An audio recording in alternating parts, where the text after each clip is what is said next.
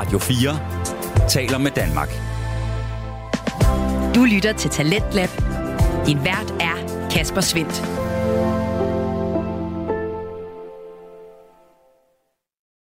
Velkommen tilbage til programmet her på Radio 4, som præsenterer og udvikler Danske Fritidspodcast. I aften der har jeg, Kasper Svendt, to på menuen, og øh, i første time der kunne du således høre det store historiske rollespil, mens vi her i time 2 fortsætter neddykket ind i podcasten Den Stolte Far med de to værter Magnus Hvid og Niklas Ritter.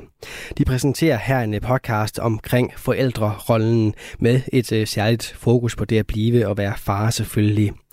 Og i podcasten her, der finder du altså både afsnit med de to værter alene på mikrofonen, og så også gæsteepisoder med interviews med spændende og forskellige snakke, som øh, også er tilfældet her til aften.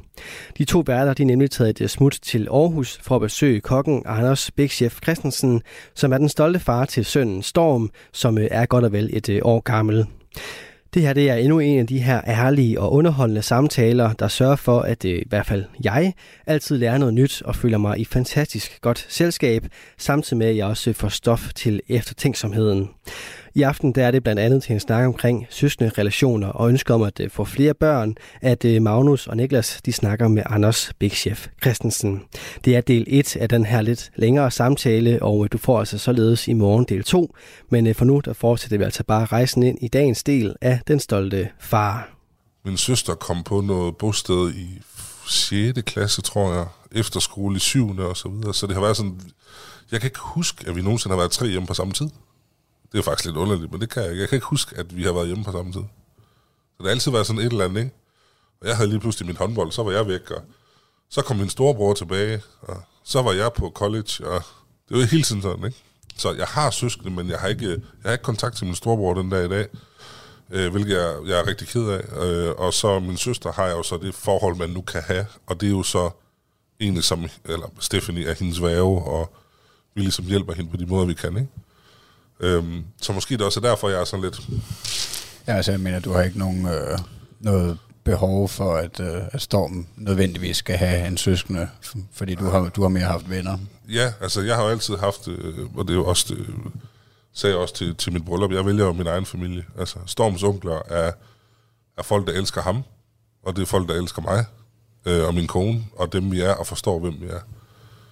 Det er hans onkler, og det er folk, som vil gøre alt for Storm og som vil gøre alt for os og, og omvendt. Ikke? Men har din kone det på samme måde? Fordi nu siger du, at hun har en bror, hun er meget tæt ved. Ja, i hvert fald en, hun har meget ud af. Altså, min kone kommer fra en, en meget interessant skilsmissefamilie. Så Stephanie og hendes bror Oliver, der er to år imellem, og det er jo så mor og far. Så bliver mor og far skilt. Mor får øh, Sofie, som nu er 20, øh, ja, 19-20 år, med en anden mand. Svigerfar, han finder dejlige bedstemor Lene, som hun jo hedder nu, øh, og de får Hanna og Jeppe. Og Hanna og Jeppe er jo, henholdsvis Jeppe, han er 12, og Hanna blev konfirmeret sidste år, hun er 15, ikke? Så Stephanie har jo haft en bror, hun var tæt på, men hun har faktisk også haft blæ-søskende. Mm. Øh, og hun har rigtig meget ud af hendes familie, og vi har rigtig meget ud af familie. De boede ved siden af hinanden, en vej ved siden af hinanden.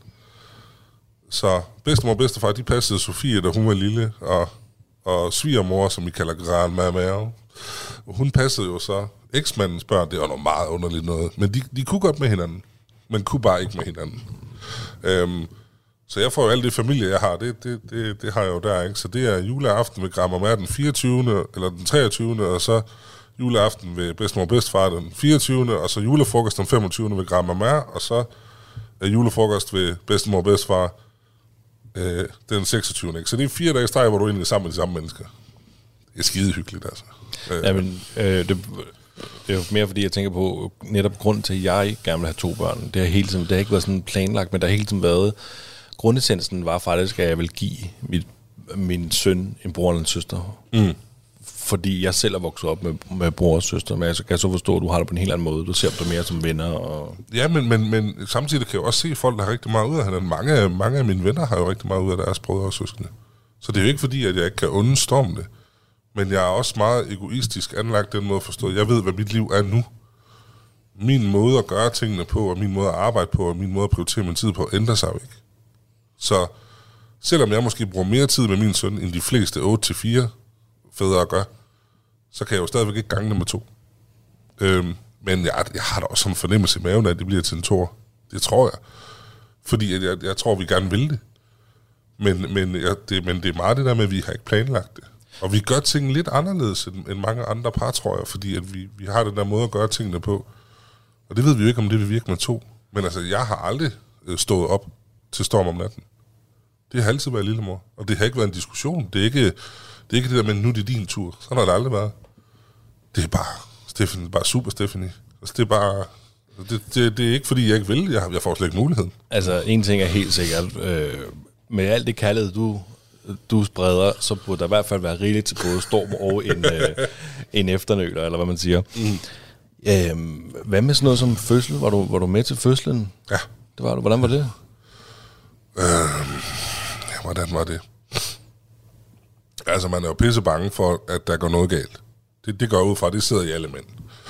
Også selvom man er lidt ligeglad med det, eller man ikke helt kan forstå situationen, så har man bare set nok tv til, at man er fucking bange. Men, øh, men øh, jeg har jo ikke bange anlagt. så altså, jeg, var så, jeg er meget praktisk. Så jeg begynder at sidde og tænke på det som virksomhed. okay, så der, der, er en, der er to jordmøder herinde, og de får cirka det i timen. Og hvorfor har de ikke været at spise nu? Der er gået fire timer, og hvordan tjener de penge på det? Og hvorfor er ikke tændt? Og jeg begynder virkelig at sidde og tænke på, tænke på det der. Men Hvis nu det her det var drevet som virksomhed, så kunne det godt lige optimeres der og der og der og sådan noget. Men selve, øhm, selve, i, selve situationen var jo selvfølgelig, øh, man var spændt, man glædede sig, og man havde den der, hvis noget går galt. Den havde jeg. Jeg havde to mobiltelefoner med den dag. Jeg har kun én mobiltelefon. Men jeg havde to mobiltelefoner med, så det første nummer på dem begge to, det var til min, jeg har en privat læge. Det var til dem. Sådan at de kunne få en information om, hvis der skete Stephanie noget.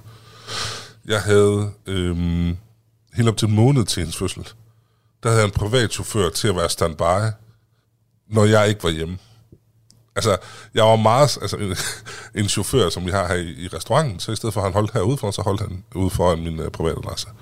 Og så indtil gæsterne, de skulle køre hjem fra Grillin, så kørte han hernede, men så holdt han faktisk derude, hvis nu der skulle ske et eller andet.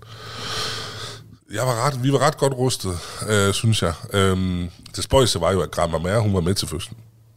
Det synes jeg var øh, helvedes til mærkeligt. Men det, det, det var noget, de to de havde sammen, det til svigermor, hun skulle være med til der. Men selve fødslen, synes jeg, var en utrolig spændende oplevelse. Var det, ikke, kunne, var det ikke meget rart? Du, kunne du så ikke træde lidt i baggrunden, hvis Grammer... Hvordan, hvad er du til? Grandma Mær. Ja, Grammer mere. Men det er fordi, hun vil, ikke, hun vil ikke være mormor, for det føler hun, hun er for ung til. Og bedstemor, den, den, øh, den har Lene jo, fordi hun er jo, hun er jo øh, papmoren, eller hvad man kan sige. Ikke? Så det er bedstemor, bedstefar, så Grandma Mær. Men kunne du så trække dig lidt tilbage under fødslen der, og så lade Grammer mere... Øh, Ja, altså da vi kørte, øh, da vi ligesom var i gang, altså da, når, når vi begyndte at presse, så, så var det jo, som jeg havde, øh, som jeg havde forudset, og jeg elsker dig Gramma Mær, det ved du, men der var hun jo bare et fucking problem. Fordi så kommer der jo den der moderinstinkt om, at det her, det har jeg prøvet, for jeg ved, hvordan man skal gøre det. Og jeg som den praktiske siger, hold nu, og så lad, altså, Stephanie, du skal gøre, hvad jordmøderne siger. Fordi når, når de så siger pres og stop og sådan noget, du skal ikke lytte til din mor, altså, du, skal, du skal lytte til dem der. Ikke? Der er sådan, hold nu kæft, Marianne, for fanden. ej, hvor godt. og, det, og det var der bare nogle gange, hvor jeg var sådan, hold nu fandme kæft. Øhm, og Stephanie havde så et tidspunkt, jeg sad mellem et vindue og hende, hvor hun hele tiden bad mig om at lukke og åbne vinduet. Og selvfølgelig på den mest irriterende måde i hele verden. Men det er man jo ligeglad med, så manden, manden åbner og lukker bare det vindue der. Og så var svigermor sådan, ej, altså, jeg tror, det er bedst, hvis du åbner vindue nu. Så hold nu kæft, Marianne. Altså, øh, ja, det, var, det var super, super sjovt. Men, men oplevelsen var faktisk, jeg lærte sindssygt meget. For eksempel, at jordmøder, det er ikke, har en skid at gøre med at tage imod en baby. Altså, det er jo det vildeste psyko, psykologarbejde, de har med, altså, man til tålmodighed. Ja. Man til tålmodighed. Altså jeg, altså, jeg var ved at gå i panik på deres vejen flere gange. Når de endelig som at mærke, hvordan det er, så kommer der jo altid en V. Du får lige lov at få den her V, siger de så, mens de har, har hænderne øh, aktiveret, lad os sige på den måde. Så de er ligesom bare i gang, og så venter de bare på den der V, den ligesom ruller igennem. Og så mærker de videre, hvor langt hovedet er, og hver kvarter komme ind med et eller andet måleapparat, der hele tiden falder af den der store mave, og de blev bare ved og ved og ved. Det var så fantastisk en oplevelse. Vi fik sådan en rigtig stram jordmør, hvor sådan midt 30'erne, slut 30'erne, sådan en rigtig overambitiøs jordmor-type, lyshår, du ved, løber sikkert maraton-type kvinde, ikke? Og det var bare fantastisk, fordi du kigger bare på hende, og hende hun bare fucking styr på hendes pis. Hun beder bare ind om at lukke røven, hvis der er noget. Og det synes jeg var fedt. Og så var der en jordmorstuderende med. Det ved jeg ikke, om det var ved jer, men de var faktisk to hele vejen igennem vores forløb. Jo. Også ved min søns Ja. Og hun var blød og havde frejen og rødhåret, og hun var sådan rigtig dejlig. Og sådan, det var et fed kontrast. Og da vi så skal i gang med presserverende, så vælger hende der, den blonde, stramme pige, der ligesom bare at sige, kan jeg ikke huske, hvad hende den anden øh, hed, jeg tror, hun hed Rikke, faktisk. Øh, hvordan vil du øh, bedst komme til den her situation ergonomisk? Midt i, at Stephanie, hun bare ligger og skriger, og, øh, og det er fordi, vi havde jo sagt, at øh, hende her jordmand, hun må gerne gøre det, hun gør ved os, fordi vi har selv elever. Jeg har haft øh, mange elever igennem min tid, og sådan har Stephanie det også. Vi vil gerne være prøvekaniner for de her mennesker. Og så begyndte de at ligge og rykke i min kone, så hun var øh, er, ergonomisk bedre stillet til, hvordan de skulle modtage og sådan noget. Det, det synes jeg var super fedt. Øhm, men, så jeg, jeg synes egentlig, at oplevelsen var god. Øhm, jeg var sulten langt hen ad vejen. Men, Var det en lang fødsel? Nej, vi, kom- vi var derinde klokken 4 om natten, og han blev født klokken 1. Okay, det er okay. Ja, men hendes vejer var hårde, men ikke så hyppige. Øhm, hun fik ikke noget øhm, bedøvelse, eller øh, ibuproral, eller noget som helst. Øh, faktisk, hendes tredje pressevæg. Og det er noget, kun mænd forstår, hvad den tredje er. altså den tredje sidste pressevæg, det ved man jo ikke før det er slut. Men man ved, det er der, hvor vores, vores piger, de virkelig, virkelig gør det godt. Der ligger hun, hun ligger og falder i søvn mellem hendes vejer. Øh, så hun, hun har en V, hun puster ud, hun får den ud af kroppen, og så falder hun faktisk lidt i søvn, og så vågner hun så ved, at det kommer igen. Ikke? Og den tredje viser sig så den tredje sidste, så siger hun, jeg har en overraskelse til dig, skat. Og, og prøv, prøv lige at tænke på, da jeres damer var lige ved, forestil hvor hun var. Hvordan hun svedte, og hvordan hun skreg og sådan noget. Så sagde min kone til mig, face to face, mens hun sad og knudede min hånd, og jeg sad sådan og blæste hende lidt ind i hovedet, for hun gav det koldt. Jeg har en gave til dig. Og jordmøderne går totalt i panik, for de tænker, hvis hun tror, hun føder nu, så tager hun fejl, der er noget galt her. Så kommer der en presseved, så falder hun lidt i søvn. Så er det anden, til anden sidste presseved. Og så spørger jeg så, hvad mener du med gave? Og så siger hun, det får du se lige om lidt. Og i det, hun siger det, så vender de hende så om på ryggen. Hun ligger på siden på det tidspunkt. Og så presser hun to gange mere, og så kommer min søn. Så jeg tror, det er det, hun mener. Og så ligger hun der med min søn, og så siger hun, vil du se din gave? Og jeg kan jo godt se ham, han, han er lige der. Nej, nej, nej. Over i pusletasken. Så over i pusletasken. Jeg fik så en stor isbjørn. Bjørn, det er sådan en, en, en to for mig. Og, og, og ja. Øhm, der har hun fået sådan en porcelænbjørn, for jeg tror, det er noget, et eller andet kunst eller noget. En stor bjørn. Så har hun fundet en lille, en lille bjørn, en babybjørn, i det der porcelæn. Og det ligger hun og tænker på et kvarter før min søn bliver født, at hun har købt den der gave til mig. Så hjemme på vores bord, der står den der isbjørn med en lille babybjørn, der leger nedenunder. Det tænker hun på kvarter inden hun føder. Prøv lige at tænke på, hvor I var et kvarter inden. Jamen, Det, det har hun overskud til. Og man sidder sådan, du er fuldstændig sindssyg, pigebarn. Altså, vildt, mand. og jeg åbnede den der pakke der, og så lukkede jeg bare ned og i tasken igen. Og så sagde hun, Karoline, ja, jeg har ingen følelse til at tage stilling til det der. altså, Det var så god en historie. Det jeg, jeg er der bare overhovedet ikke til. Jeg kan, altså, jeg, jeg kan overhovedet ikke det der. Og jeg var sådan helt... Altså, det var ham her, det handler om, ikke? Men det lå hun og tænkte på. Mens at hun havde en smerte for livet, Imponerende. så tænker hun på hendes mand. Du ved, hun spurgte mig flere gange, om jeg fik noget, om jeg, får du noget at drikke? Skal du lige have en pause? Så hvad snakker du om? Men det, det er min kone i noget skal. Men det, jeg gerne vil, vil dele med jer fædre, der ikke har oplevet det endnu, det er, at der er nogle ting, man faktisk ikke får at vide. Vi fik det i hvert fald ikke at vide. Som hvis det her var en virksomhed, man ville sende en, en lille reprimande, eller i hvert fald lige give 3 ud af 5 på TripAdvisor over fødsel, øh, fødselsoplevelsen. Nummer et, det er, dit barn er blot, når det kommer ud. Det kunne de godt have fortalt mig. Fordi når jeg ser film, og babyer de er blå, så er det fordi, de ikke har fået luft. Så det første, jeg så, det var, at min søn han var blå. Og jeg tænkte bare, mit hjerte stoppede bare. Man har så hørt, hvis de græder, så er det jo fordi, de har det godt, ikke? Men kæft, jeg fik et chok. Det har jeg ikke fået at vide. Jeg blev så bange. Jeg troede, wow, øh, øh, kunstig åndedræt, et eller andet. Jeg blev så bange over det. Øhm, den havde de nok lige fået et lille skriv om. Det må jeg godt lige sige. Det har jeg så skrevet til fødselsforberedelsesdamen. Jeg kan godt lige nævne, at øh, de ser jo lidt anderledes ud end babyer på tv. Fordi det, de, i Friends, der bliver de jo født, og så er de jo allerede klar. Ikke? Der må du godt lige... Ja, der er barnet også øh, 3-4 måneder gammel. Når Ja, det, præcis. Ja. altså, der kan man allerede blive på. Det, det kunne man måske godt lige sige. Og så er det her fostervand. Det ved jeg ikke, om I oplevede. Men at der kom fostervand i klemme. Så man, vi lærte jo ret hurtigt, at når Storm bevægede munden, så var det, fordi han var sulten. Det var meget nemt. Men lige pludselig så bevægede han munden, han spiste ikke noget. Han var utilpas, han græd, han græd, han græd. Der er midt om natten, første nat, der er på patienthotellet. Eller vi havde så kun en nat, fordi ja, Stephanie, hun gad ikke være der. Hun skulle bare hjem. Så kommer hende der jordmoren ind kl. 2 om natten, og jeg er i panik. Jeg har gået og flyttet på sofaen og sådan noget, fordi jeg ikke kunne være i mig selv. Så kommer hun, nå, nå, nå, nej, nej, nej, han er bare sulten, og han vil ikke rigtig spise og sådan noget. Nå, nej, nej, præcis. Så gør vi bare sådan her. Så tog hun ham bare lige op under armen, og så bare lige ryste ham lidt op og ned. Jamen, det er fordi, nogle gange kan de godt have fostervand til at sidde fast, så bare bliv ved med det. Og så gjorde jeg det, og så, øh, så ørlede han lige det der fostervand ud, så var han glad igen. Så hvor fanden siger jeg det til os, inden vi går ind? Altså, ja, det sker for de fleste. Jamen, hvorfor ved vi det så? Hvorfor skal vi lære det bagefter? Hvorfor, altså, du kunne også godt have fortalt mig, at hans lort, den er sort. Jeg troede, han var en alien.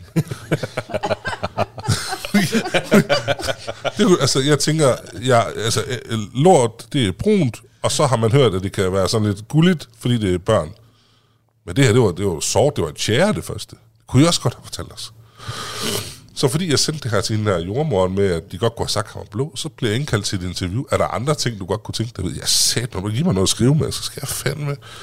Og så er de faktisk indordnet det sådan lidt efter det. Øh, og de som sagt, de synes, de faktisk er nogle gode ting at tage med. Så jeg har fået lov at lave så et lille skriv, som øh, fædre, de nu, øh, det hænger simpelthen op på, øh, på, på det der patienthospital, på Skyby sygehus. Så hænger sådan noget, ting, du måske aldrig får brug for, men burde vide.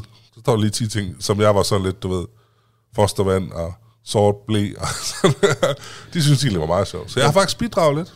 Jamen, det må man sige. Men jeg kan faktisk godt huske det der med, med at de var blå. Altså nu, øh, nu både, både Magnus og jeg, vores sønner, er kommet ud ved akut kejsersnit, så det er en, Nå, det er, okay. det er en helt anden... Det er en anden der er mange ting, der vi ikke øh, var med til. Men jeg kan huske, da jeg så min søn første gang, der fortalte de bare roligt, du ved, han skifter farve med. Ja. Altså, du ved netop, især hans fingre, Ja. øh, de var, fingre og fødder, de var... Øh, de var blå, og der sagde Ja. de, du ved bare, det skal du ikke. Altså, lige om lidt, så får de deres farve. Ikke? Så, nå, Men havde det ikke været fedt at vide en halv time før? Jo, Altså, jeg, jeg, jeg blev i hvert fald meget... Øh, jeg havde fået at vide hans hoved, fordi han, det var jo normalt, at hans hoved ville være lidt aflangt. Øh, fordi det er det jo, når de presser og sådan, og det, det giver fin mening. Men, men han var blå. Han var, han var, han var avatar-blå. Og blev man sgu lidt bange. Ja, ja, også, og fordi... Fuldstændig jeg fik altså lige siger- en følelse, der nappede øh, lidt. Ja. Jamen, også fordi du siger det der med, at altså, man forbinder et blåt barn, nyfødt blåt barn, med, at Ja. ja. de ikke har fået luft. Ja. Så det er det, man tænker på. Men jeg synes virkelig, virkelig, virkelig, det- vi fik en meget, meget, meget professionel oplevelse. Jeg synes virkelig, især når man hører det store plask, det er jo sådan, du ved, at det lykkes. Vi snakker jo, det lyder som om, at det er 10 liter vand, der bliver klasket ned i et gulv, med det, der kommer ud af Stephanie. Altså når de griber barnet, ikke? Men så er der jo allerede på det tidspunkt, der er der jo kommet to-tre mere, og de når jo at få gjort det her rent, og de når jo at få gjort det her, før du overhovedet når at der har været noget. Øhm, vi fik så også at vide, at april er bare det perfekte tidspunkt at få børn på. Fordi de har peak time i september, og peak time i på et andet tidspunkt, hvor der simpelthen er flest september, fordi at de fleste børn bliver faktisk undfanget i december. Og så er der simpelthen mere overskud på Der er simpelthen fødegangen. flere, mere overskud på fødegangen. Altså, da vi, da vi kom ind der øh, om natten, torsdag nat, der var det jo, øh, vi var de eneste, der var der. Øh, og det er altså rart nok, fordi der har man også hørt nogen, der, hvor det har været lidt for travlt, ikke? Du lytter til Radio 4. Du er skruet ind på programmet Talents Lab her på Radio 4, hvor jeg, Kasper Svindt, i aften kan præsentere dig for to afsnit fra Danske Fritidspodcast. Her som nummer to er det fra Den Stolte Far, som består af de to værter, Magnus Hvid og Niklas Ritter. De er i aftenens afsnit på besøg i Aarhus ved gæsten Anders Bigchef Christensen, og øh, deres samtale vender vi tilbage til her, hvor Anders fortæller videre om dagen, hvor sønnen Storm kom til verden. Men jeg stod jo hernede på arbejde, faktisk ved det her bord, hvor vi sidder ved lige nu. Og så ringte min telefon. Og det har vi jo aftalt. og Alle gæsterne vidste jo, at jeg har gået og snakket om det i et måned. Ikke? Alle gæsterne er stamgæster. Så jeg blev nødt til at tage telefonen. Så sagde tror du vandet det er gået? Så sagde det ved jeg sgu ikke. Jeg tager telefonen. Hej skat. Hej. Øhm, hvad så? Jamen, jeg tror vandet er gået. Så hvordan kan du tro vandet er gået? Altså er det ikke sådan noget... noget? er der ikke masser af? Nej, nej, men jeg tror det. Nå, okay, Jamen, jeg kommer hjem med det samme. Det var sådan noget, så jeg stod faktisk her i min arbejdsuniform og tog telefonen der. Ja. Hvad så med sådan noget som navlestrengen? Klipper du den? Nej, det gjorde Grammer med. Og det gjorde, okay. Ja. Det var, var det noget, der var planlagt? Øh, jeg tror, det var planlagt. Jeg, ikke havde, jeg havde ikke noget behov for det. Nej, okay. Øh, så jeg var sådan lidt, nej. Også fordi der, der er bare nogle ting, øh, jeg havde ikke behov for at se, hvad der foregik. Mm. Altså, det, det, det var ikke spændende for mig at se, hvad der foregik dernede. Og, Ja, det kan jeg godt forstå, for ja, ja, altså, det, jeg, jeg kunne slet ikke se det. Også fordi for mig, og det lyder måske, nu ved jeg ikke, hvor gamle folk er, der, der hører det her, men, men det dernede, det er jo for mig en legeplads. Det er jo ikke... Ej, jeg kan godt følge dig, at man ikke har lyst til at se det blive ødelagt fuldstændig. Ja, det, det kan jeg slet ikke...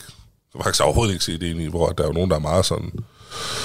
Man gerne vil følge med i den del, ikke? Men for mig der er det jo... Det er jo, det er jo, det er jo noget for Big Chef. Det er jo, det er jo mit, ikke? Det er jo det, jeg ejer. Øh, og så kan det godt være, at vi lige er sat på pause lige et par måneder, men altså, det, der er stadig regler i huset, ikke? Altså, far er sulten. så, øh, men, men, Som du kan sige det. ja, så, så nej, navnestang er også, da de stod der, vil vi have moderkagen med hjem? Så nej, vi skal Ej, og du er ellers kok jo. Ja. Man hører så mange Ja. sjove historier om Ja. folk, der laver mad med det. Ja, men altså, jeg er også kok, men derfor laver jeg stadig heller ikke laks, vel? Altså, okay. man skal jo ikke... Så fik vi den på plads. Nå, ja, altså, der, er- der er tre ting, jeg ikke kan lide. Det er folk, der kommer for sent, og så er der folk, der giver attitude, og så er det laks. Okay. Ja, det, er, det, det skal bare fuck af. Men altså, alt i alt, så synes jeg, det var en stor oplevelse, og at vi er ikke skræmt af det overhovedet. Stephanie er ikke skræmt af det, og, men det, det er med svært som mand at sætte sig ind i, hvad det er, de går igennem, synes jeg. Man vil jo gerne prøve, men det kan man jo ikke, altså. Altså, og, og akut kejsersnit, det, det, der går jeg ud fra, øh, igen uden at vide det, der må man jo fandme være næsten være nervøs, inden man kommer, fordi der er jo en grund til, at det er akut. Altså, jeg kan lige så godt sige, at jeg, øh, og det har jeg sagt før i podcasten, og jeg lyver ikke, når jeg siger det. Jeg bad til Gud øh, med lyd på, og det har jeg aldrig nogensinde gjort. Jeg tror aldrig nogensinde i mit vildeste fantasi, at jeg skulle gøre det, men altså efter, øh, det ved jeg ikke, 18-19 timer, og de sparker døren ind til sidst, og siger, nu skal han ud, han skal ud nu. Ja. Så var der panik på, og jeg tudede, jeg kunne slet ikke holde det inde. Altså, jeg knækkede fuldstændig sammen. Jamen, det- Og øh, vi kommer ind i det her rum her, hvor der bare står, øh, jeg vil gerne have, at der skulle stå 100 mennesker, men det er der selvfølgelig overhovedet ikke stået, men der står rigtig mange mennesker, der var klar til at gøre deres arbejde. Og de siger til mig, øh, nu sætter du lige op ad væggen, lige om lidt kommer du over ved din kones hoved. Øhm, og så gik der jo lidt, så fik jeg lov til at komme op til hende, og så siger de, ved du hvad, det kan godt være, at du bliver nødt til at gå ud, fordi at, øh, det var noget med bedøvelsen, og noget med, der er, eller at hun skulle åbenbart i fuld narkose. Så jeg rører ud, og så knækker jeg bare fuldstændig sammen. Så står du ude på gangen, eller hvad? Var sammen med en, øh, en sygeplejerske, stod ude på gangen, og jeg, har, altså, jeg aner ikke, at jeg skal mig selv, jeg går bare i ring, og det hele det, altså øjnene, de, er jo- jeg knækker fuldstændig sammen, og så går jeg bare i hook, og så kigger jeg bare på luften og siger, please Gud, sig, han er i live, ikke? Og, øh, og jeg kan faktisk huske, at jeg, jeg spørger hende her, øh, sygeplejersken, jeg tror hun er sygeplejerske, om, fordi hun, hun fortæller mig, at han er ude nu. Ja. Og så siger jeg, så, altså, er han i live? Det ved jeg ikke, siger hun. Og det fordi, det ved hun ikke jo. Nej. Men jeg tænker ikke rationelt på det tidspunkt, så skal jeg gå ind, du ved Ja. ja. ikke. Og så går hun ind, så kommer hun ud, og så siger hun, de har tilkaldt en børnelæge. Og jeg aner jo ikke, hvad fuck det skal betyde, mand. Så jeg tænker bare det værste. Og han kommer så i rest, øh, tænken, eller han kommer i rest tempo, går ind på, øh, på den her stue her, og så kan jeg bare høre det der klask. Og det troede jeg kun var på film, men det er altså også i virkeligheden. Og så er der bare en, en, en dreng, der græder, og så bliver jeg bare lykkelig jo. For så, jeg bare, så er der liv, ikke? Ja. Og derfra så er det bare helt, øh, så er det helt godt, ikke? Men Nu vender, Fuck, nu vender podcasten nu så en lille bit smule om, fordi jeg er jo generelt pisse interesseret i mennesker. Men er der ikke også noget af det, der sidder i jer i forhold til nummer to? jo, jo, 100 procent. Altså, er der ikke også noget der, der, der altså... Det er derfor, at vores søn, han skal meget gerne komme ud med et planlagt kejsersnit. Okay, det er simpelthen fordi, så er den bare streget af. Det er Ja, det, det, vi gør. Også Det- selvom at man ikke, ikke, ikke anbefaler, at man ikke gør det, men de mener jo, at den naturlige fødsel vil jo altid være den, den Jamen, optimale øh, måde. Men, men, 100 procent. Der er altså mange af de der øh, samtaler, vi har haft, der har de, øh, der har de prøvet ligesom at mm. pege os imod den naturlige fødsel. Og simpelthen på det, vi, det vi var igennem, det var så traumatisk. Ja, vi det er det, jeg simpelthen gerne prøve at kunne strege den af listen.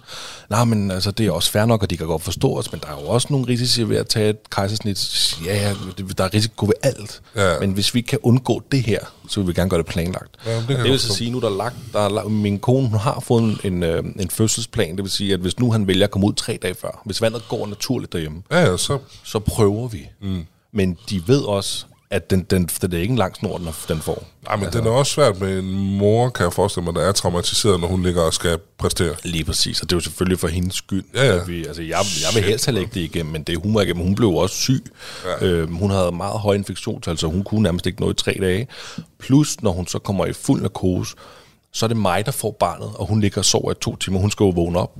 Så hun får ikke øh, vores søn op på brystet, lige, lige så snart han er ude. Han lå på et bord, jeg kom ind, og hun var over på operationsbordet. Ikke? Og så får jeg ham i armen, og så smutter mig og ham, og så kan, vi, kan han først møde sin mor to timer efter. Og det er i min verden helt forkert. Det er jo ikke den vej, det skal gå. Øh, kommer han så til at amme så? Øh, nej, det gjorde han Ja, faktisk fordi det er jo, det er jo, hvis det ikke sker lige der, så bliver det svært. Det, han endte faktisk med at få sutflaske. Vi kæmpede øh, en lille uges tid med at få amningen i gang, Ja, og det lykkedes svært, ikke, nej. simpelthen. Så, øhm, Shit en historie, mand. ja, men det var også... Øh, jeg kan også mærke, at jeg bliver sådan helt Ja, ja, men det er jo også, altså, det er jo, det, er jo, det var en vild historie. men det er, jo, det, er jo, det er jo klart det der med, at det bliver man også nødt til at tage til efterretning, hvis man vil gøre det igen. Altså, var det lige så gralt i jeres situation? Altså, det var ikke, øh, det var ikke akut. Vi havde også været i gang i, jeg ved ikke, 24 timer eller lidt mere måske, og, øh, og så var det bare... Altså, Tiden, ja. ja, jeg ved sgu ikke. øh, Jeg tror bare, de tog beslutningen og sagde, at, øh, at nu gør vi klar til operationen, ikke? Øh, Og det gik sådan set rimelig glat. øh, Men så da vi kom derned, så... Øh, jeg tror, hun havde fået det der epidural blokade noget før, og, og det der, men så prøver de at lave sådan et lille øh, forsnit for Ja. at se, hvordan det går, og så siger de, at det går ikke, vi bliver nødt til at lægge hende i fuld narkose. Så der blev jeg også øh, taget ud, og, og der, altså, der knækkede filmen også for mig, ikke at, øh, at jeg græd, øh, men, øh, men jeg, jeg har aldrig været så bange og angst for, at, at øh, en af dem eller begge to skulle dø. Altså jeg fik det virkelig den der dødsangst. Øh, og så, øh, så var jeg jo i samme situation bagefter, at, øh, at jeg havde måske også noget, der ligner to timer med ham alene, øh, drengen, for at, øh, at hun vågnede. Det var mega akavet, altså fordi at, øh, ja, det, jeg havde ligesom også den der drøm om, at, øh, at han skulle op til mor med det samme. Øhm, altså mine forældre nåede jo at komme og sådan noget, du ved, øh, inde på stuen, inden at hun var vågnet op, ikke? Og jeg må jeg ikke prøve at holde ham? Ej, jeg synes måske lige, at han skal prøve at komme op til sin mor først, ikke? Ja. Øh, Så, så det var ja, fuldstændig sindssyg oplevelse, men, øh, men vi fik dog øh, altså gang i amningen og sådan noget. Han havde ikke øh, brug for at spise, øh, før at hun vågnede. Okay, det var så altid, det var så altid noget. Min partner og hans øh, kæreste, de er meget ked af, at de ikke, øh, hun er læge, de er meget kede af, at de ikke kunne få amningen op at køre. Altså det, det var for hende noget specielt, og da nu når Stephanie er stoppet med at amme Storm, det var også noget specielt for hende, fordi det er jo bare et bånd, som man ikke helt kan, kan, kan sætte sig ind i, men, men det er jo lige præcis de oplevelser, som I har været igennem, som enhver far er, altså, er bange for, ikke? Jeg havde slet ikke taget stilling til det. Det var det, jeg så ud af min fantasi, at det der kunne ske. Ja. Altså også fordi for vores vedkommende, de var bare sådan, han skal nok komme ud, og nu er du åbnet der i og og det hele går godt, og sådan noget der. ikke? Og lige pludselig til, de begynder at, at tage, nogle, øh, tage nogle tal og på nogle Ja, ja, det prøver, der- ikke? så bliver døren bare sparket ind, og jeg tænker, hvad fuck sker der, mand? Og jeg fik noget tøj i, Ja. øh, kastet til, det der skal du tage på, og du skal over på den her så afsted, ikke? Altså, det havde jeg overhovedet ikke. Jeg kunne slet ikke forberede mig på det der. Ej, og det er jo det, er jo det man frygter. Altså, det, og det er jo også bare at være den der... Jeg er jo heller ikke særlig god til at være hjælpeløs. Altså, det, det er, jeg, jeg har aldrig set mig som en hjælpeløs. Men man vidste jo, at det men. Det, I den der situation, der bliver du bare nødt til at, at gøre det, ikke? Jeg har en, en, en bekendt, som... Jeg tror, jeg lige rekorden er blevet slået, men han har haft Danmarks mindste menneske i mange, mange år, altså da hans søn blev født. Bare, jeg kan ikke huske, hvem vi snakker. Jeg, jeg er ikke helt sikker. Jeg vil næsten ikke quotes for det, men jeg tror, vi er nede på halvanden kilo. Uh, ja. 1800 måske. Han var ikke særlig stor. Og øh, der viser han mig et billede, ja, lang tid efterfølgende, hvor han sidder med hans kone, øh, hvor hun sidder med babyen, og han står ved siden af, hun sidder i en kørestol, og så står der præsten og døber ham, fordi han dør, 100%. Han overlever ikke det der. Ej. Så de står ude på gangen og døber ham. Og han fucking overlever. Han overlever, og han, øh, han er bagud, som man må forvente, de første 10-12 år af hans liv. Og så lige pludselig, nu er han 15-16 år på lige fod med hans klassekammerater. Men han, har været, han fik, fik først sprog som fireårig, og alt det der, der nu kommer med, sådan noget der, ikke? Men de stod der, han, han viste mig billedet der, så står de derude og døber ham, fordi de ved, han dør. Der står en præst derude, ikke? Fuck, Og så tænker man bare, Jesus Christ, mand. Og nu har jeg været oppe og bygge en computer for ham, ikke 15 år gammel, der efter konfirmation. Han er lige så meget pikhoved som alle andre 15-årige drenge, altså. Men jeg mødte ham jo som 8 år, og det er jo, jamen, altså, han er lidt, lidt en spøjs type, og lidt bagud og sådan noget, men, men ikke, altså, han kunne være med, han gik i nogle specialforløb og sådan noget, læste ikke så godt som ikke, ikke, ved det. og så lige pludselig, så han bare, det, det, det, det, er jo det, det er jo det, man er bange for. Man er bange for, at der sker ens kone noget, man er bange for, at der sker ens baby noget, fordi de første to timer, jeg lå med min søn, det er den bedste, de bedste to timer i mit liv. Fordi jeg kunne sidde og kigge på ham og smile og være glad og se min kone ligge og hvile sig over i den anden side, ikke? hvor I har bare siddet der og tænkt, shit, hvad sker der med min kone? Hvad sker der med ham her? Kan jeg det her alene? Hvordan skal jeg betale huslejen selv? jeg har ingen bryster. Åh, oh, tæt på måske. jo, altså, jeg, jeg, kan slet, jeg kan slet ikke, det er sådan noget, det kan man bare ikke sætte sig ind i. Ja. Ikke engang som, som far, der har, der har oplevet den positive del af det. Ikke? Altså, den bedste tid i hele mit liv, det er de første to uger. For der ville han kun sove med mig. Jeg kan fortælle, at jeg blev, altså, jeg så den der blacklist øh, skud ud til øh, Raymond Reddington på Netflix. Den så jeg jo på kort tid. Jeg så jo 15 afsnit om dagen. For han ville kun ligge for mig. Så jeg sad oppe i sofaen, og så lå han på min mave, og så holdt jeg på hans nums, og det gør jeg i 48 timer i streg. Så, så var Stephanie klar igen. Jeg vågner. To dage efter hun har født, så kravler hun rundt på gulvet og tager toiletterne af inde i stuen. Ja, det er jo som min kone, ikke? Ja, hun lyder godt nok her. Hun, hun, er, hun er hardcore. Du skal, hun, hun er også sammen med Bixi og Fixer. Det ikke, fordi hun, er, hun, hun kan godt klare det. Men så tredje aften, jeg skal sove med ham. Og det er jo sådan, at Stephanie, hun har sat saftevand rundt i, sådan op på, på gavlen af sofaen, og der er frosne vinduer, der er lakridser der, der er nødder der, fordi jeg er jo vågen. Jeg kan ikke sove med ham. Det tør man jo ikke. Så jeg sidder og holder ham der. Tredje dag finder jeg ud af, at jeg kan tage min telefon, og så kan jeg sidde og læse nyheder, og jeg kan sidde og spille Hearthstone, kortspil og sådan noget. Det kan jeg finde ud af den tredje dag, mens jeg ser Netflix. Mm. De to andre dage, der har bare siddet og set Netflix sådan der. Og jeg har jo ikke sovet, og jeg er jo overhovedet ikke ramt, jeg er ikke træt, jeg er ingenting, fordi jeg kører bare på koffein og energidrik, og, og fordi jeg tør ikke sove med ham, fordi han, jeg sad fjerde dag, så får jeg jo den sygeste krampe i venstre balle. Og så på halvanden time får jeg lagt mig ned i sofaen med ham ovenpå mig. Det tager mig halvanden time at komme ned. Og så kommer jeg til at ligge dernede. Femte dag, så ligger jeg mig bare ned med ham. Og han ligger ovenpå mig, det er så fint. Sjette dag, der falder jeg i søvn, mens han ligger der. Jeg var vågen i næsten fem døgn. Jeg havde lige sådan to timer søvn der, når Stephanie hun var vågen. Og så var jeg sådan lidt, jeg har jo hele tiden bare kunne lægge mig ned. Han er jo pisse ligeglad. Altså, så fandt jeg ud af, at jeg kunne tage ham og lægge ham, og jeg kunne... Det ene af den, han sov jo bare. Men jeg sad i de første 48 timer, der sad jeg bare sådan her.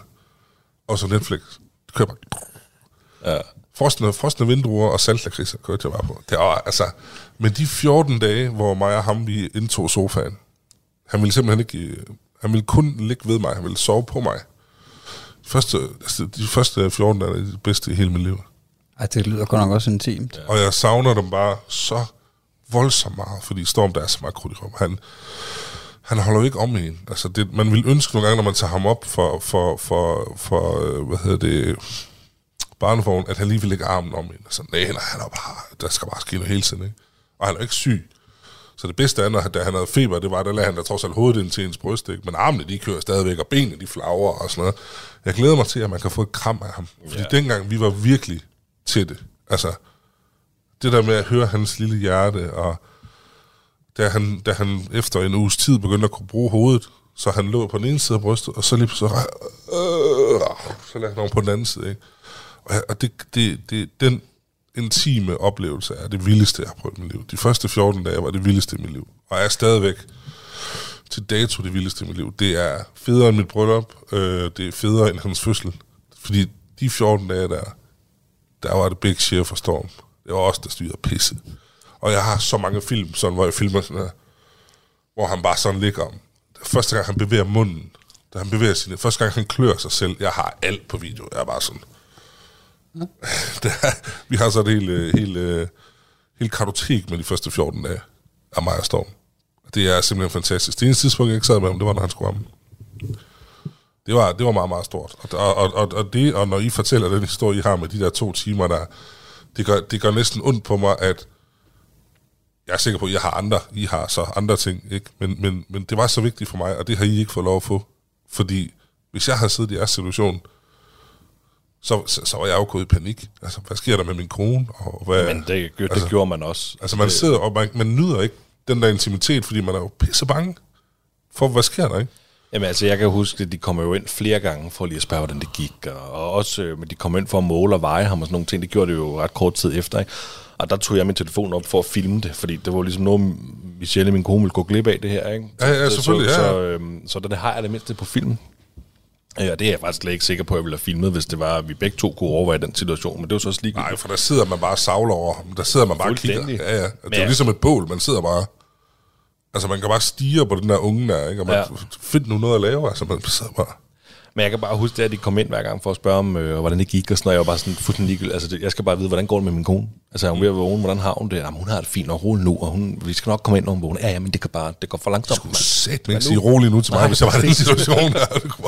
Men altså, man kan så også tænke tilbage på det og sige, "Hold kæft, har de også været dygtige, dem der lavede deres arbejde, ikke? Fordi nu står øh, vi her øh, tre år efter, og har en dejlig familie, og vores søn er fuldstændig øh, rask og glad. Altså, det hele kører bare, ikke? De har jo fuldstændig gjort, hvad de skulle. Man bliver overrasket. Ja. Man bliver så fucking overrasket over, hvad de kan gøre. Altså, man bliver så overrasket. Altså, medicin nu til dags, og læger og sygeplejersker, man bliver så hammerende overrasket. Det er også derfor, jeg donerer alle, alle, alle mine, øh, mine projekter, som altså, det, det går til børneafdelingerne og, og og sådan noget. Man er simpelthen, altså, da min far, han havde hjerteproblemer og skulle have en ballonudvidelse, det tog tre minutter. Tre minutter, så lavede en ballonudvidelse. Øh, vi troede, det var alvorligt, og uh, han skal faste i 24 timer, og far skal indlægges og sådan noget. Så fik jeg billederne, hvor de går ind, og hvor de går ud. 3,5 minutter. Så det er jo sindssygt, man kan det der. Ikke? Det er sindssygt, at man kan, man kan lave så et akut kejsersnit og, og redde mor og barn, og man kan og han kan rende rundt nu og, og gøre, som man plejer. I kan få nummer to, og flere kan betale skat, og så er politikerne glade. Og, altså, det, det er fantastisk, hvad det kan. Og man bliver bare så ydmyg, når man ser det. Altså, man ved det jo godt som udefra kommende, så ved man godt, at det er et svært fag og sådan noget. Men jeg bliver i hvert fald meget ydmyg over for øh, jordmøderfaget. Altså, det er jo ikke bare at gribe en baby, altså, som vi snakker om, ikke? Så, så det kan jeg godt forstå. Radio 4 taler med Danmark. Vi er i gang med aftenens andet podcast afsnit her i Talents Lab. Det er programmet på Radio 4, der giver dig mulighed for at høre nogle af Danmarks bedste fritidspodcasts. Mit navn er Kasper Svindt, og i denne time der har jeg fornøjelsen af at give dig en episode fra Den Stolte Far, som har de to værter, Magnus Hvid og Niklas Ritter. De er i aftenens episode på besøg hos Anders Bækchef Christensen, og her der taler de tre videre om, hvor langt vi egentlig er kommet, og hvordan vi prioriterer pengene alt sammen i sundhedsvæsenet.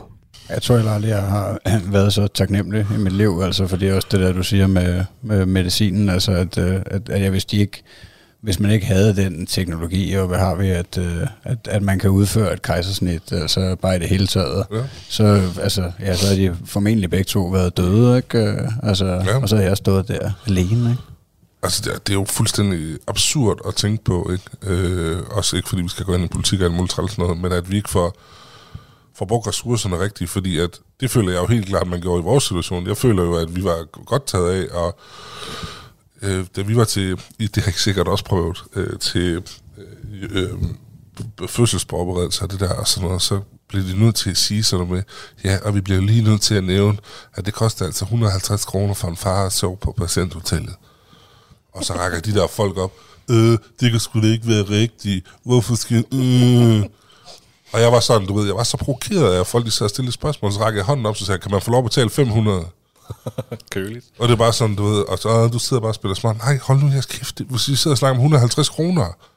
Da jeg var der, der var morgenmad, og der var, der var mad til hende to gange om dagen, eller sådan noget, tror jeg, det var. Øh, vi, var, vi tog hjem dagen efter. Men, men åh, og det var sådan, jeg, hende der fødselsforberedelse, hun sagde, ja, men det er fordi, nogle gange kan det godt komme lidt bag på folk. De skal betale 300 kroner for at være der i to døgn. Hold nu kæft. Jamen, det er jo også, det mener jeg, det, jeg, tror, jeg, tror, altså, jeg tror også, vi betalte noget, det var for, at jeg kunne få mad, tror jeg. Ja, ja, for at du- det for at du kunne få mad, ja. Ja, ja, fordi men vi var det- også en, en, vi var indlagt tre dage. Ja, det, det, altså, det var ja, på grund af den situation, vi var i, jo ikke? Men, der Men jeg tror, det var... Jeg fik... Øh, øh, jeg tror, der var morgenmad og saftevand og kaffe med i min pakke, tror jeg. Jeg var da ligeglad, jeg kunne bare købe på McDonald's. Altså, jeg kunne lige tage væk fem minutter, mand. Så lige kom jeg tilbage med pizza eller et eller andet. Altså. Pisse lige meget. Og jeg kan bare huske, at hun følte, hun blev nødt til at sige det, fordi folk ja. var smålige omkring det. Og folk faktisk synes, det er for dårligt, fordi jeg betaler skat og sådan noget. Men ved du hvad, det kan jeg også fortælle dig en ting. De sidder kun og tænker på det på det tidspunkt. Lige så snart Ja. de sidder, og barnet er født, ikke? så de glemte alt om det. Så de røv Fuldstændig. Men det hele, det, det hele der med, at hvis vi skulle til at, hvis, hvis, hvis hospitalsvæsenet og medicinen skulle bruge ressourcer på det, på at du som velfungerende mand skal have noget at spise, øh, uden at det lige må koste 40 kroner eller et eller andet, så er det jo, det går galt, fordi det er jo det, man ser på mange af de andre øh, medicinområder.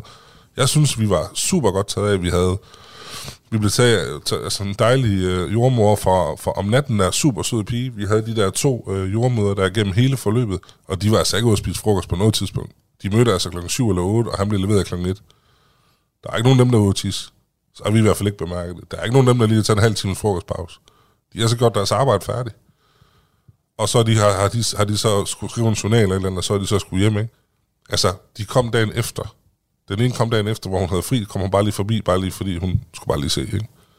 Så der er jo, der er jo nogle ressourcer, der bliver fordelt korrekt nogle steder. Jeg føler i hvert fald helt klart, at, at vores, det, det, det, var, det var godt, men fordi jeg fik den der angst for, at der skulle ske noget dårligt, så har det siden den dag, jeg har, jeg har doneret til Børnecancerfonden. Men, men øh, nu, øh, nu, er det, nu er det decideret hospitalsklovn og, og børneafdelingen. Fordi, hvad nu hvis det var også ikke? Hvad nu hvis der ikke var ressourcer til at have den læge på besøg, øh, eller have den læge på den, den, den, den tidspunkt, hvor det skete for dig, ikke? Hvad nu hvis der lige pludselig ikke var penge til det? Ja. Det, det er jo sindssygt skræmmende tanke. Ja, men til gengæld, så nu siger du, at I tog hjem allerede, var det dagen efter? Agtigt? Ja, vi tog, øh, han blev født klokken 1 fredag, vi tog hjem klokken 3 lørdag. Ja, altså, vi var jo indlagt øh, hen over weekenden, han blev født en fredag, og vi tog hjem mandag øh, mm. eftermiddag eller sådan noget. Og, øh, og jeg vil kæmpe, kæmpe ros til fødselsafsnittet, altså alle dem, der tog imod, og, og hende, der ligesom øh, tog vandet på min, på min kone der, øh, hun endte med at få fri, og komme tilbage igen dagen efter, Ja. og tage imod ham. Altså, det var helt, det var helt vildt. Øhm, og det var, det var så perfekt, men til gengæld så på barselsafsnittet, der kunne man godt tænke, der kunne I godt ansætte en, en, en, øh, en sygeplejerske eller to mere, fordi der var altså ventetid, og jeg mistænker lidt, at det var derfor bare, eller øhm, hvad det, amningen heller ikke endte med at fungere, fordi mm. der var simpelthen ikke de ressourcer til at hjælpe os, og vi var nybagte, nu, nu er vi meget mere rustet til nummer to, vi ved, hvad vi skal gå op i, ikke? Der, kunne man, der halte de altså lige lidt på, øh, Men der, der, havde, der, der havde vi jo så ikke noget mm. problem overhovedet. Altså det, vi, vi, vi ringede på det der nummer, og så tre minutter, så kom det. Der var en enkelt gang, hvor de sagde, at de, de var inde med hinanden, og de kom lige, når de var færdige der. Det var cirka det, hvis der var nogle spørgsmål. Men det igen, om vi lige ramte den der april, der hvor der ikke sker så meget, øh, det ved jeg ikke. Men, men jeg synes jo også, øh, i, i forhold til, at vi, vi forsøgte jo selv og lykkedes ikke lige så hurtigt, som vi gerne ville. Og så laver man jo den der med at blive undersøgt, ikke? Også fordi jeg har jo haft stress nogle gange, og alle de der ting, ikke? Og så begyndte vi at få at snakke med nogen om, hvordan man kunne... Altså, hvordan det fungerede, hvis det var sådan, at man skulle have hjælp til det, ikke? Øhm, og der er jeg også bare sådan vanvittigt imponeret. Jamen, så øh, tager vi nogle æg ud af din kone, så fryser vi dem, og så afleverer du noget bader, og så tager vi det, og så sætter vi det sammen og putter op i din kone, så er der en baby. Er det det? ja. Og hvis din sædkvalitet, den er mega dårlig, det er ingen noget problem. Så tager vi bare de gode, og så... Altså, det lykkes jo ikke hver gang, men det er teorien. Så hold da kæft, er det virkelig rigtigt? Ja, ja. Shit, mand. Og så gik jeg og snakkede med nogle af mine venner, som jeg ikke anede havde fået hjælp. Det er jo ikke sådan, at man snakker om det. En tabu-ting. Øhm, vi endte jo så med, at, at alt gik godt. Men, men det er sådan, det vi har faktisk... Øh, at Karoline, hun har faktisk øh, lavet på den måde, og August har lavet på den måde, og så fandt man lige pludselig ud af det, at, det, at, at hvad man kan, ikke? Man bliver bare så fucking ydmyg over for, hvordan det der det foregår. Og, og lige pludselig, så har man bare et, et barn i hånden, og sådan noget. Jeg, jeg synes, øh, jeg ved ikke, hvordan man så lige... Altså, jeg sendte blomster til Skyby, øh, til, til afdelingen deroppe, ikke? Jeg vidste ikke, man må ikke, man må give nogen noget. Det er så ringe, man må give nogen noget. Så jeg købte øh, 20 buket blomster. Ja, det var flot. Altså, jeg, jeg, jeg, købte også et eller andet til dem. Jeg tror bare, jeg købte en gavekurve og sådan noget chokolade, og ja. hvad har vi til, til afdelingen, fordi at, øh, at jeg var også så imponeret og taknemmelig over, ja. altså, jeg skulle aldrig været så taknemmelig før over, at, øh, at øh, ja, de her mennesker hjælper min øh, søn til verden, ikke? og jeg tænker også, at øh, altså, de gør det jo ikke øh, for pengene, vel? det er jo ikke, fordi de får den, øh, den fedeste hyre i verden, og de er meget engagerede. det, det er ikke et job, du tager, øh, hvis du ikke har noget, øh, hvis du ikke er drevet af noget empati og noget selvfølgelig medicinsk nysgerrighed. Men, men, men dem, der står og tager imod de børn, der, det, det, er, det må være empati, der driver dem. Det er lysten til at aflevere børn. Ja, de må Altså- altså, altså være nogle af de vigtigste i vores samfund på en eller anden måde, ikke? fordi at, øh, at hvis de ikke var der, så ville der jo alt andet lige i hvert fald være, være mange børn, der, øh, der lavede livet lige fra starten af, altså hvor at, øh, at, at vi ville løbe tør for mennesker til sidst. Så det, er det er jo skræmmende at tænke på. Det er godt, at vi ikke har den statistik om, hvor mange, hvor mange børn, der egentlig bliver reddet på målstregen. Ikke? Men, men de var klar. Altså, nu var der ikke noget med storm. Det har der været, men de var klar. Altså, og de var rolige. Det skal vi sgu nok løse, det her. Jamen det kan jeg huske, de beroligede min kone med netop at sige, nu skal du bare vide, der står en masse mennesker, de ved lige præcis, hvad de skal gøre. Ja. Altså det kan jeg huske, de Så øh, der bliver ikke stillet nogen spørgsmål her. Altså, det, den eneste, der stiller spørgsmål, det er dig og din mand. Mm. Altså, vi har fuldstændig styr på det her. Og det kan også være skræmmende øh, i sådan en situation, hvor folk har så godt styr på det, men samtidig en, en kæmpe sikkerhed. Ikke? Men jeg synes, det er... øhm, Det, jeg ved ikke, om det er der, men der burde næsten være en eller anden form for gruppeterapi for folk, der går ting igennem, som I går igennem. For det er jo noget, man ikke altid lige snakker med sin tømmerven om, eller folk, der er lykkelige på andre måder. Øhm, Ja, det, så er det- kan jo være en podcast som det her, det kan gøre, at folk, der har været igennem det, de måske rækker ud, eller, eller måske finder ud af, at man ikke er så alene med det, fordi de følelser, jeg kan forestille mig, at I har stået med, har jeg jo aldrig prøvet at stå med, men, men bare det at høre om det, påvirker jo en. Og så Ja, kan man næsten ikke forestille sig, hvordan det er at stå i det. altså, Nej, altså det var, øh, altså jeg tror for, for mig i hvert fald har det meget været en form for terapi at, øh, at lave den podcast sammen med Ritter, fordi at, øh, at, at, at der er sgu ikke så mange andre kammerater og sådan noget, der gider at høre på, på det for længe, vel? Altså det ved jeg ikke, det er jo også det der med at sætte sig ned og, og tale sammen øh, i et længere stykke tid, det, det ved jeg ikke, øh, altså for mit vedkommende så praktiserer jeg det i hvert fald ikke med særlig mange, fordi der sker så mange ting i livet, og altså man, man sætter sig aldrig ned en time og, og bare fokuserer på at tale med en person. der er vi tilbage til cigaren, ikke?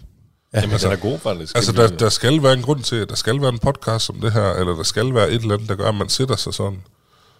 Jeg har en, øh, en, en, øh, hyggelig ven fra TikTok af, der hedder Michael Dahl, der er lastbilchauffør. Han har jo bygget sådan en slyngelstue ved siden af hans hus, så han kan invitere venner derude, så man kan sidde og få en bajer og spille slag pool og snakke om det, man nu gør. Fordi han sidder jo i lastbil hele dagen. Altså, han, han har også brug for, for, for, for noget andet, ikke? Og der er bare simpelthen ikke ret mange mennesker, der tager sig den tid, inklusive mig selv. Øhm, jeg har så min, min, min træner, Nis, som, som jo er også min bedste ven. Altså, der bliver snakket en del, når vi får kastet jern, men er faktisk rigtigt. Vi snakker nok mere, end vi kaster jern i bund og rundt, men, men den tid, der er, den er sgu vigtig at give. Og hvis man har sådan nogle følelser at snakke om, så er der også bare nogle andre, der bliver nødt til at dele noget, for ellers så bliver den sgu bare sådan lidt... Når hvordan går det hos dig? Jamen, det går sgu fint. Jeg har sgu lige fået øh, lønforhøjelse, og vi er ved at bygge en garage. Nå, hvordan går det med dig? Nå, men jeg er sgu egentlig lidt ked af, at øh, nu, er der, nu er de lige kommet op igen, det der. Ikke? Nå, nu skal han sidde og pylde igen over det der.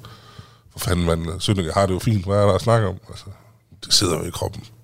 Jamen, det kan nemlig godt være svært at, øh, at, at, at få bearbejdet det ved at uh, snakke med sine kollegaer på arbejdet, eller hvad har vi altså, fordi at, uh, at, at det er jo, jeg ved ikke, det er også relativt komplekst at uh, blive forældre, og så de ting, man har gået igennem, ikke? Altså, uh, altså vi inviterer jo også, uh, altså alle uh, fædre er jo meget velkomne til at komme med i podcasten, fordi vi vil jo gerne høre, det er jo altid forskellige historier, altså. Ja, ja.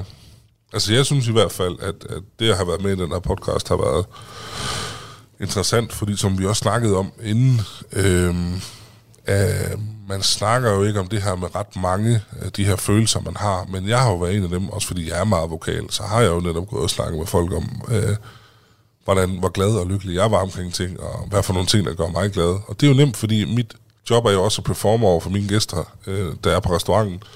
Og de ved jo, at jeg har en søn. De spørger jo, hvor min kone er henne. De følger jo med på de sociale medier, eller på TikTok, eller, eller Instagram, og ser, hvad der man laver.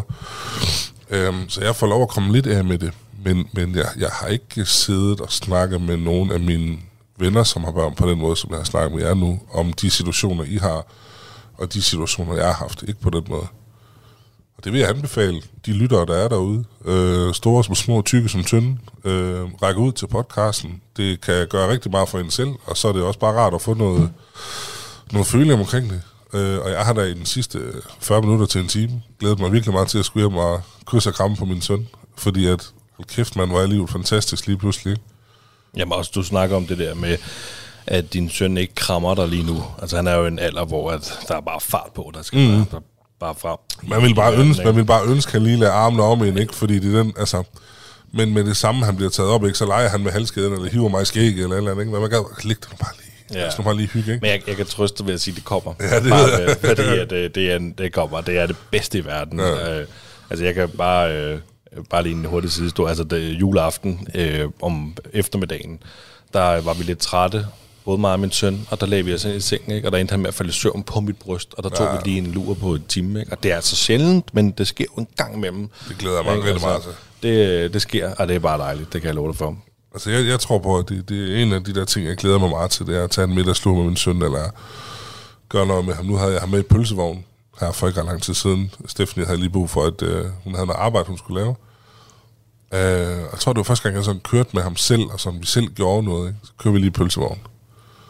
Så fik jeg en pølse, så fik, jeg, så fik han en halv rød pølse, hvor jeg lige pælte skinnen af. Så sad vi fandme i en pølsevogn. jeg kan lige så godt lære det med det samme. Og det, det, det er sådan nogle ting, jeg glæder mig til at opleve. Og nu har vi været ude og se en del i håndbold. Ikke? Han elsker at være i hallen. Han er faktisk meget rolig, når han er i en håndboldhal. Det skulle man ikke helt tro, når der er så mange mennesker. Men han elsker det. Og hele den der idé med, der, igen, jeg er selv elitesportsmand. Ikke? Selv det der med, eller var elitesportsmand, det det der community, der var i hallen. Jeg glæder mig til, når vuggestuen, når vi, jeg, jeg glæder mig til, når vi har, øhm, har arbejdsdagen nede i vuggestuen. For eksempel, hvis jeg skal, jeg tror, man kommer og slår et søm i, eller andet, det ved ikke, hvad fanden man gør. Jeg, ved, jeg, jeg sætter en tømmer ned, det skal jeg ikke gøre det der. Men jeg glæder mig da til at komme og stå, og så har jeg sagt, prøv at høre, jeg er ikke, fucking, jeg er ikke særlig handy. Det er jeg ikke. Men jeg kommer med en grill, og jeg kommer med noget kø, øh, og så hygger vi lige lidt med det. Og jeg glæder mig til den der konkurrence, der kommer, når han bliver lidt større, du ved, når man skal tage madpakker med. Du ved, Storm skal have den vildeste madpakke. Og du ved, jeg vil gerne være det med, ej, skal vi ikke til hjem til Storm og spise frokost, fordi der løber starten bare bedst og sådan noget. Altså, jeg kan huske, jeg havde en kammerat, der hed Andreas, ikke? Og skulle ud til Andreas Lyngå. Hans forældre, de var, de, de, jeg tror ikke engang, de var velhavende, men de var i hvert fald flere penge, end vi havde. Vi, vi var meget fattige, set i de danske... Øh. Så deres robot, det kom fra bagerne af, og deres løbesteg kom fra en slagter. Så det var sådan, når vi skulle hjem fra skole af, så skulle han tit lige forbi og hente noget med hjem, og så prøvede jeg altid at hostle mig lidt med hjem, ikke? fordi det der med at få det der friskbagte rugbrød med slagterløbsteg på, det var altså lækkert, hvor derhjemme, da al vores rugbrød, der var noget, der var en eller anden klistermærke på, så det var allerede tørt, inden man overhovedet åbnede det. Og løbstegen, det er den, de fleste folk, de serverer til hunden, ikke? fordi at min storebror er en kæmpe, kæmpe mand, og har været oppe og veje 250 kilo. Så det er sådan, der blev spist meget hjemme i vores hus, ikke? vi var store bønder, ikke? Øhm, jeg kan bare huske det der. Derfor jeg skal gerne have det i min søn. Ah, du ved. Storms mor laver bare de bedste toast.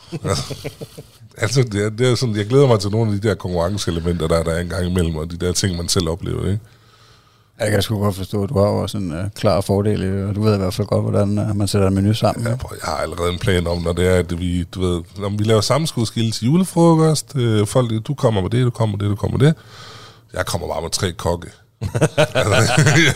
Game on. jeg kommer, kommer bare med tre kokke og siger, prøv at høre, det, skal, det er noget fin rødkål, du har købt over Magnus' mor. Nu skal du lige se, hvad vi har lavet her. det, glæder, det glæder mig til. Der er sådan nogle af de der ting der, det, er bare, det, det, det synes jeg, ja, det, er sgu ikke, det glæder mig lidt til.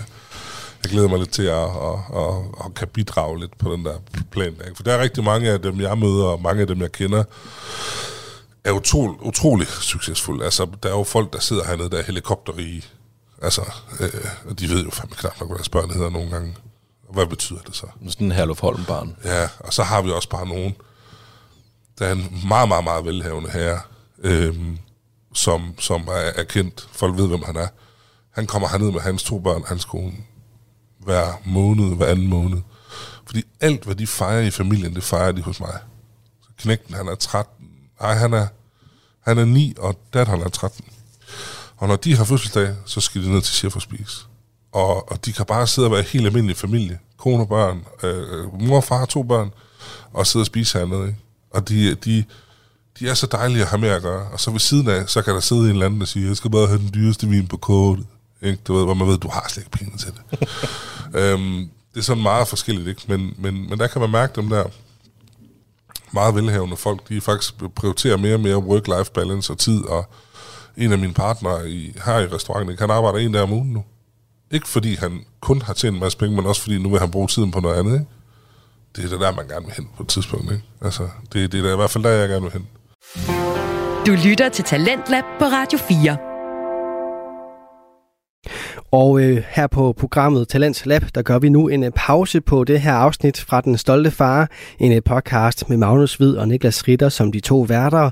Men øh, bare rolig, i morgen aften her på programmet, der får du selvfølgelig del 2 af deres snak med kokken Anders Big Chef Christensen.